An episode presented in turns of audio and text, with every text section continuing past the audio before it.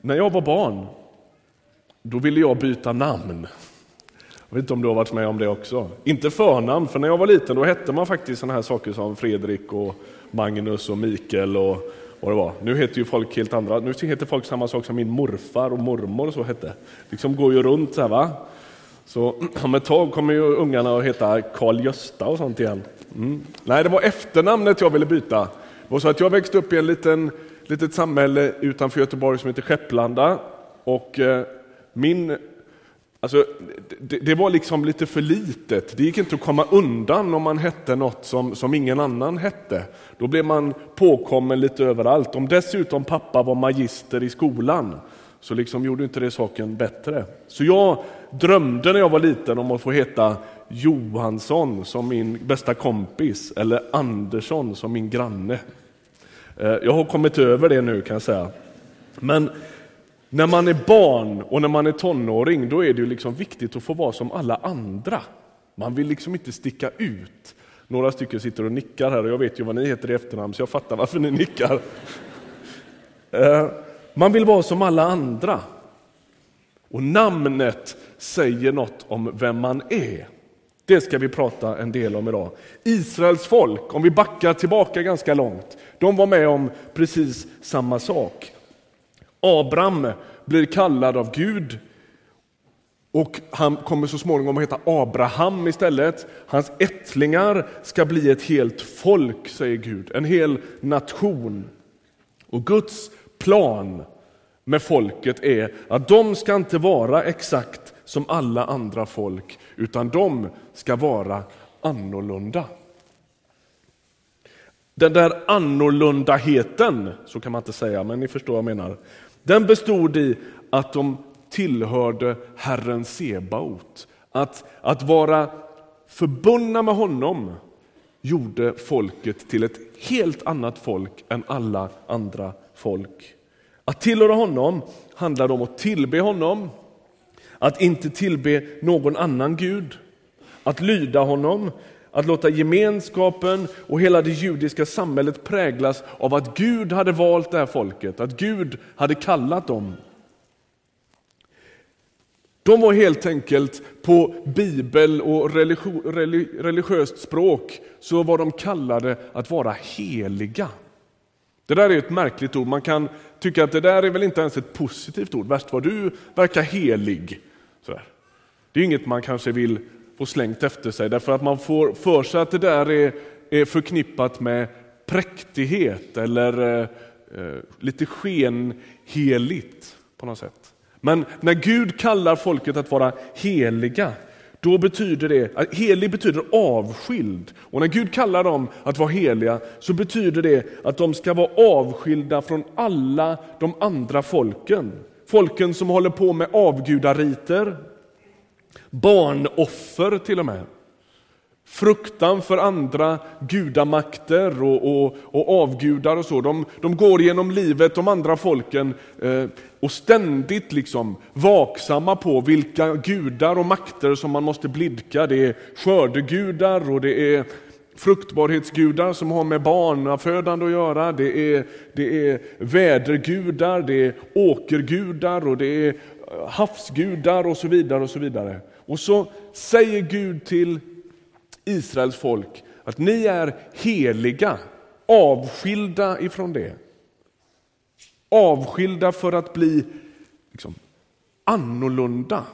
Och Det annorlunda det består i att ni tillhör skaparguden. Guden som bär hela tillvaron. Det är det annorlunda.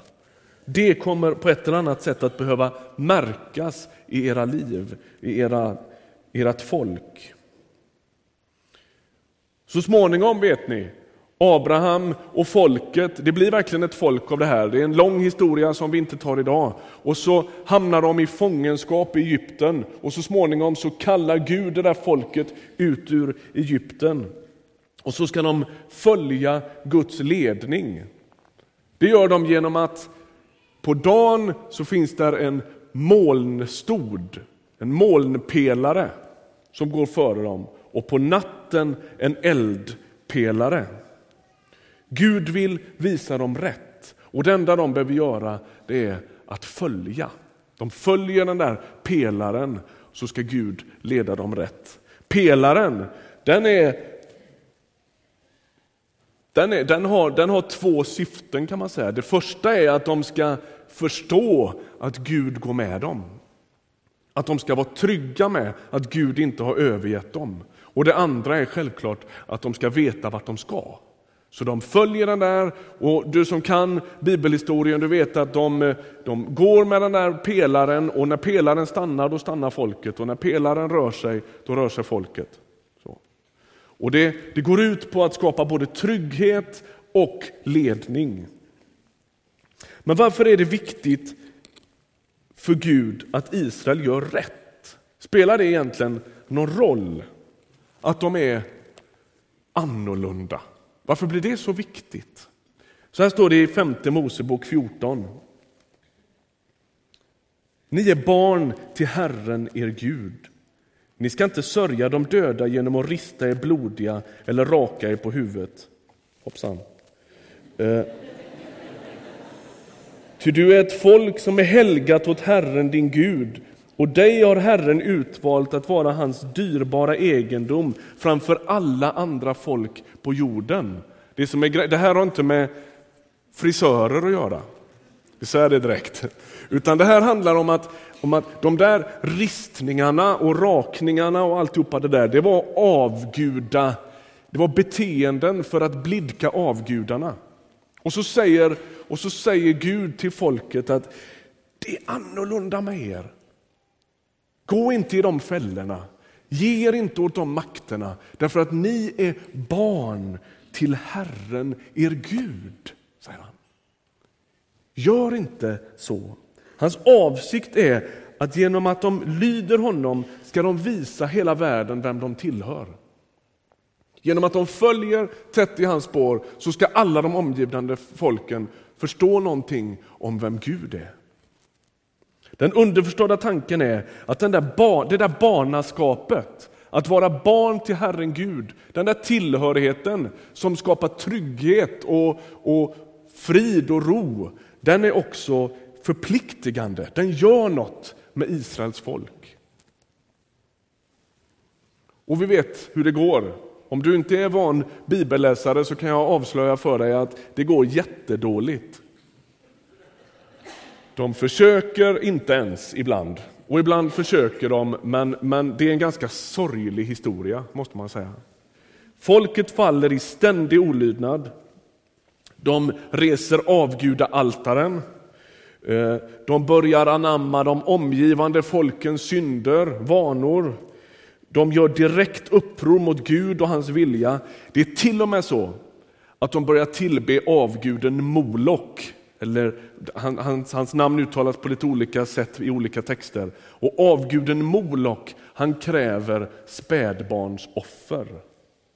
Och profeterna de avslöjar folket och säger ni smyger ut på nätterna med era bebisar och så offrar ni dem till Molok. Alltså, de har fullständigt övergett sin, sin kallelse att vara det annorlunda folket de har blivit som alla de andra. Det här går igen som en sorts tema genom hela bibeltexterna och hela Israels historia. Vi vill vara som alla andra. Vi vill heta Andersson och Johansson. Du som heter det förstår ju, det är liksom inte, ja du fattar, det är inget problem att heta det. Eh. Människan är skapad till Guds avbild läser vi i inledningen av, av Gamla testamentet. Gud har en avsikt att människan ska återspegla någonting av vem Gud är. Något av Guds väsen, återspegla Guds närvaro i sitt eget liv. Och så trasas det där sönder genom synden och människans liksom, oförmåga att reflektera Gud. Synden kommer in som en sorts smitta och en sorts skada och, och fullständigt förvränger den där avbilden. Inte så att den inte finns längre, men den är trasig. Den är trasig. Och Bibeln är storyn egentligen om hur Gud söker människan för att göra den där relationen hel igen. Hur han genom hela bibeltexterna önskar återföra människan till sitt ursprung på något sätt. Nämligen att leva avskild för Gud, tillhörig Gud. Det är hela avsikten med bibeldramat.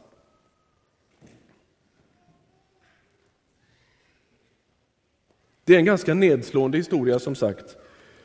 Det tänkta gudsfolket de avfaller gång efter annan ifrån Guds väg. Från hans omsorg, från hans närvaro. Och det är som att de inte förmår lyda. Det är som att de inte ens kan vilja göra det som är rätt. Det, det, det, det finns liksom inte i dem. Och så sakta men säkert så börjar det puttra av ett nytt löfte, ett nytt perspektiv i bibeltexterna i Gamla testamentet. Vi ska ta och läsa ett av dem ställen. Det, finns, det står nästan ordagrant i Jeremia bok också, men vi läser från Hesekiel, en av de gammaltestamentliga profeterna. Från kapitel 36 och vers 25. Sen ska jag bestänka er med rent vatten och göra er rena. Han talar å Guds vägnar här. Ni har orenat er med alla era avgudabilder, men jag, jag vill göra er rena. Jag ska ge er ett nytt hjärta och fylla er med en ny ande. Jag ska ta bort stenhjärtat ur kroppen på er och ge er ett hjärta av kött. Med min egen ande ska jag fylla er. Jag ska se till att ni följer mina bud och håller er till mina stadgar och lever efter dem. Stanna där. Löftet som börjar liksom att, att höras och och uttalas gång efter annan i Gamla testamentet handlar om att en dag så ska Gud upprätta en sorts ny relation med människor. Annorlunda än den första, där, där drivkraften snarare är inre än yttre. Där lagen snarare är inre än yttre. Han ska göra ett ingrepp i människan och, och på något sätt förena henne med Guds vilja så på djupet så att det, det, det, det, finns ingen motsvarighet tidigare i historien. I Gamla testamentet så gör människan så gott hon kan för att lyda Gud, men det är som att inte det går och så börjar han lova något annat. Man kan jämföra det med en ryggsäck som är full med mat jag har varit ute och tågluffat några gånger i min ungdom. Och då var det ganska noga att man liksom packade, inte packade med för mycket, därför man skulle konka på den här ryggsäcken i en månad runt i Europa. Eh, eller om du har varit på en fjällvandring till exempel, och så har du massa grejer i ryggsäcken och det, det där blir ganska tungt efter en stund, eller hur? Om vi, om vi säger att den där ryggsäcken är full med mat, det är den inte när man tågluffar, men kanske när man fjällvandrar. Och så har du mat i ryggsäcken och så sakta men säkert så plockar du ur lite grejer ur den här ryggsäcken och så äter du upp dem. Och så blir de där, den där maten som du har konkat på ryggen, den blir sakta men säkert en del av dig själv. Och från att ha varit en börda så blir den en energi och en kraft i ditt eget liv. Är du med? Du bär fortfarande runt på maten. Är du med på? Men inte på ryggen, utan du har den i dig. Och när Hesekiel lovar, eller Gud genom Hesekiel lovar att det kommer, att det kommer att bli på ett nytt sätt att lyda Gud, att följa Gud, så handlar det om att lagen, eller uppmaningen att leva för Gud blir inte längre en yttre börda. Man skulle kunna säga så här, den stora frågan är hur blir man en god människa? Hur blir man en god människa? Och, och det blir inte längre en fråga om yttre påbud bara, utan det är som att det där blir en del av en. Jag ska göra ett kirurgiskt ingrepp i dig, säger Gud genom Hesekiel. Och så ska jag byta ut ditt hjärta av sten och göra det till ett hjärta av kött och blod. Min vilja och förmågan att göra min vilja kommer att läggas djupt i ditt eget inre. Det blir inte längre en yttre börda utan en inre kraftkälla. Man skulle kunna jämföra det också med en hård uttorkad svamp. Jag har använt de här bilderna på Alfa. Du som har varit på Alfa i, vår, i höst och tänker att han bara återanvänder. Det är sant. Det gör varenda predikant. Men jag erkänner det åtminstone. En, en hård uttorkad svamp som du blötlägger, den kommer på sikt, den är alldeles liksom, hård i kanterna, den bryter sönder och liksom är alldeles sådär va. Och så doppar du den i vatten, så sakta men säkert så börjar vattnet att mjuka upp den här svampen så att den faktiskt blir mjuk, följsam. Och så börjar den suga upp det där vattnet och så blir den fylld av vatten så att det som har fyllt svampen också börjar flöda ut, ut ur den. Så Den blir bärare av något. Vattnet blir inte bara något som försöker påverka utifrån, utan svampen blir som doppad i något och hela dess inre blir fyllt. Och när, när Gud lovar i Gamla Testamentet, en dag, en dag, så kommer människan att få kraft att göra min vilja. Människan kommer att få kraft på ett sätt som inte kommer utifrån, utan inifrån. Så säger Hesekiel, jag ska bestänka er med rent vatten och jag ska fylla er med en ny ande. Och då är vi framme vid dagens text. Ni, ni behöver inte se så skräckslagna ut, det här var ingen introduktion, jag är snart färdig.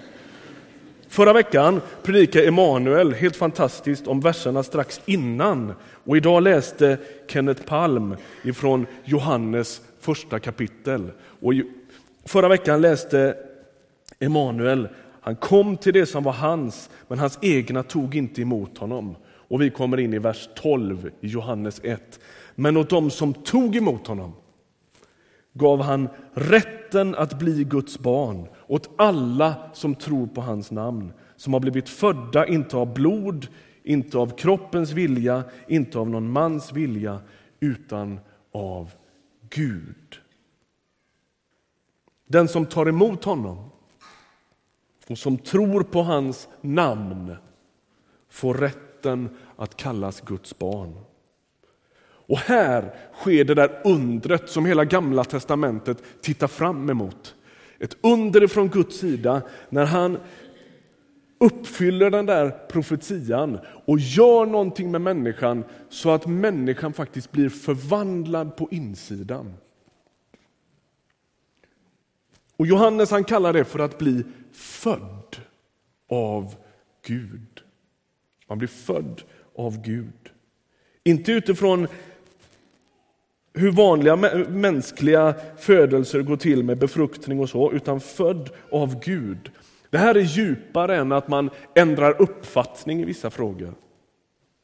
Det skulle kunna vara det också, men det går mycket djupare än så. Det är något mer än att byta livsstil, även om det med största sannolikhet ingår. Det är inte att upptäcka sina egna inneboende energier.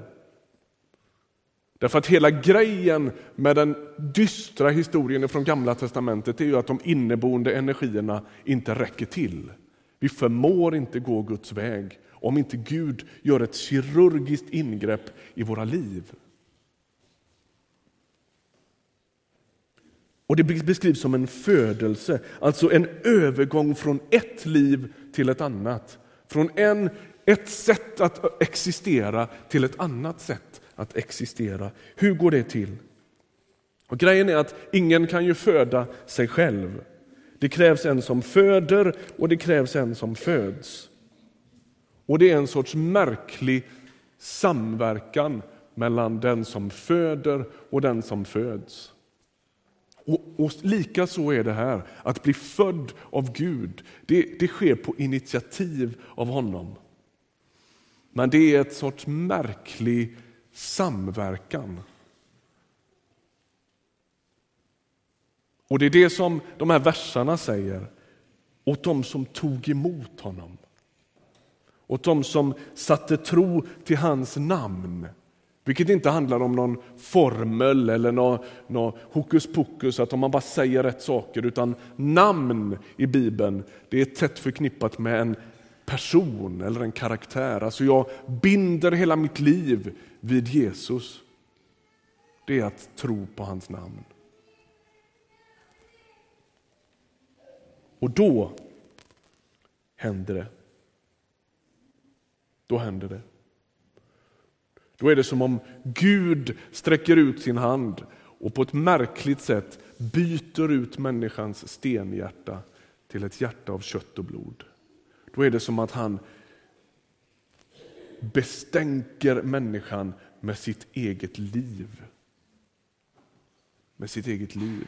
Du vet när man funderar över om det finns liv på andra planeter, vad är det man letar efter då? Då letar man efter vatten.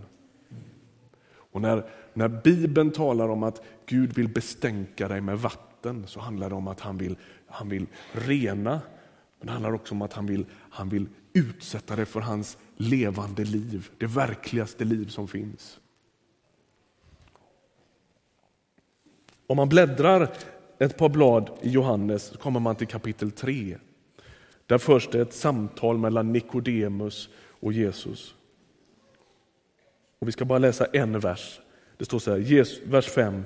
Jesus svarade, frågan är, man kan väl inte komma in i moderlivet och födas en gång till? De för ett resonemang just om det här med att bli född av Gud.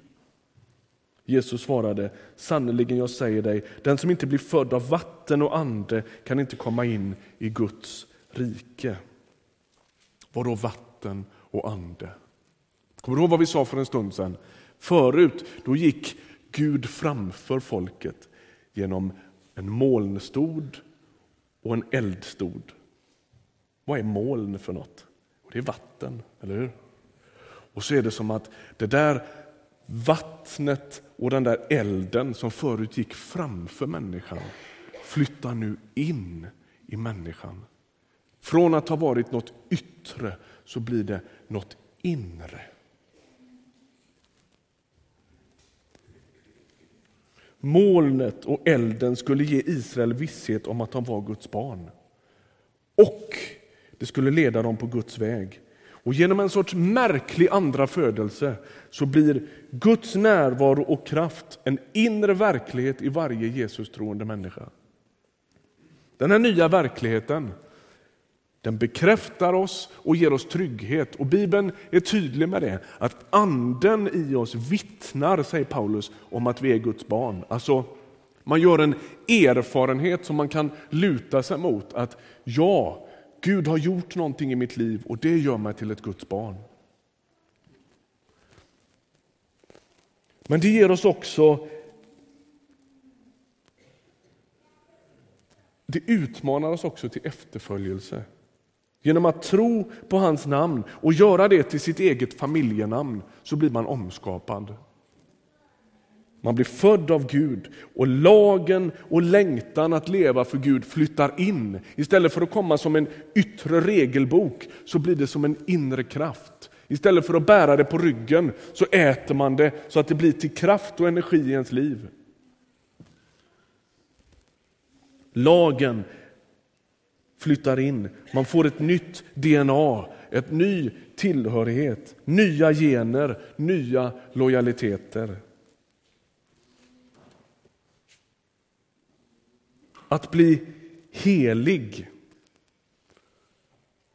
alltså avskild för Gud, för hans syften, för att han ska få tillträde till ens liv, att han ska få prägla ens liv. Så att vi, precis som Israels folk i Gamla Testamentet, kan bli någon sorts budskap till den omgivande världen om vem Gud är. Det blir det nya syftet med varje Jesus-troendes liv.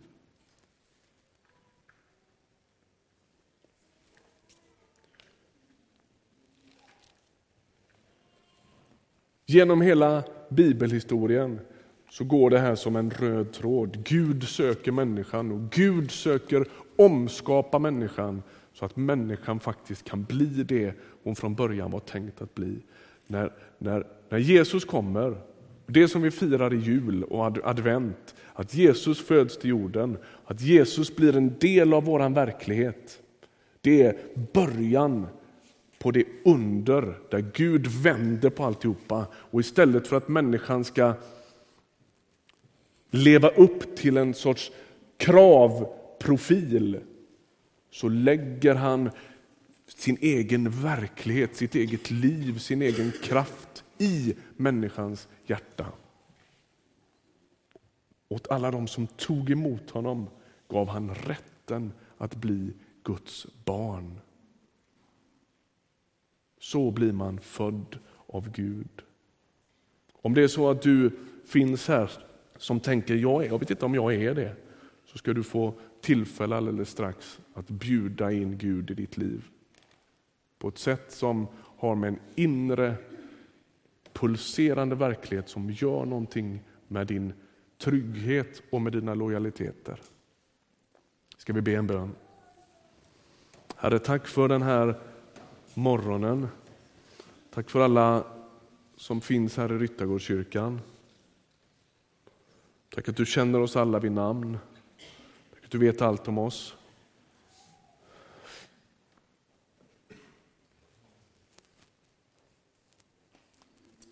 Vi tackar dig för att du har kommit oss till mötes. Tack för att du har rört vid världen med din egen närvaro. Tack för din ande, tack för ditt liv som har kommit till oss. Tack att vi får leva i den omskapande verklighet som, som är din ande och ditt rike. Fortsätt att skapa om våra liv, fortsätt att ta plats i våra liv och låt oss få mer och mer likna dig. Tack att du hör oss när vi ber. Amen.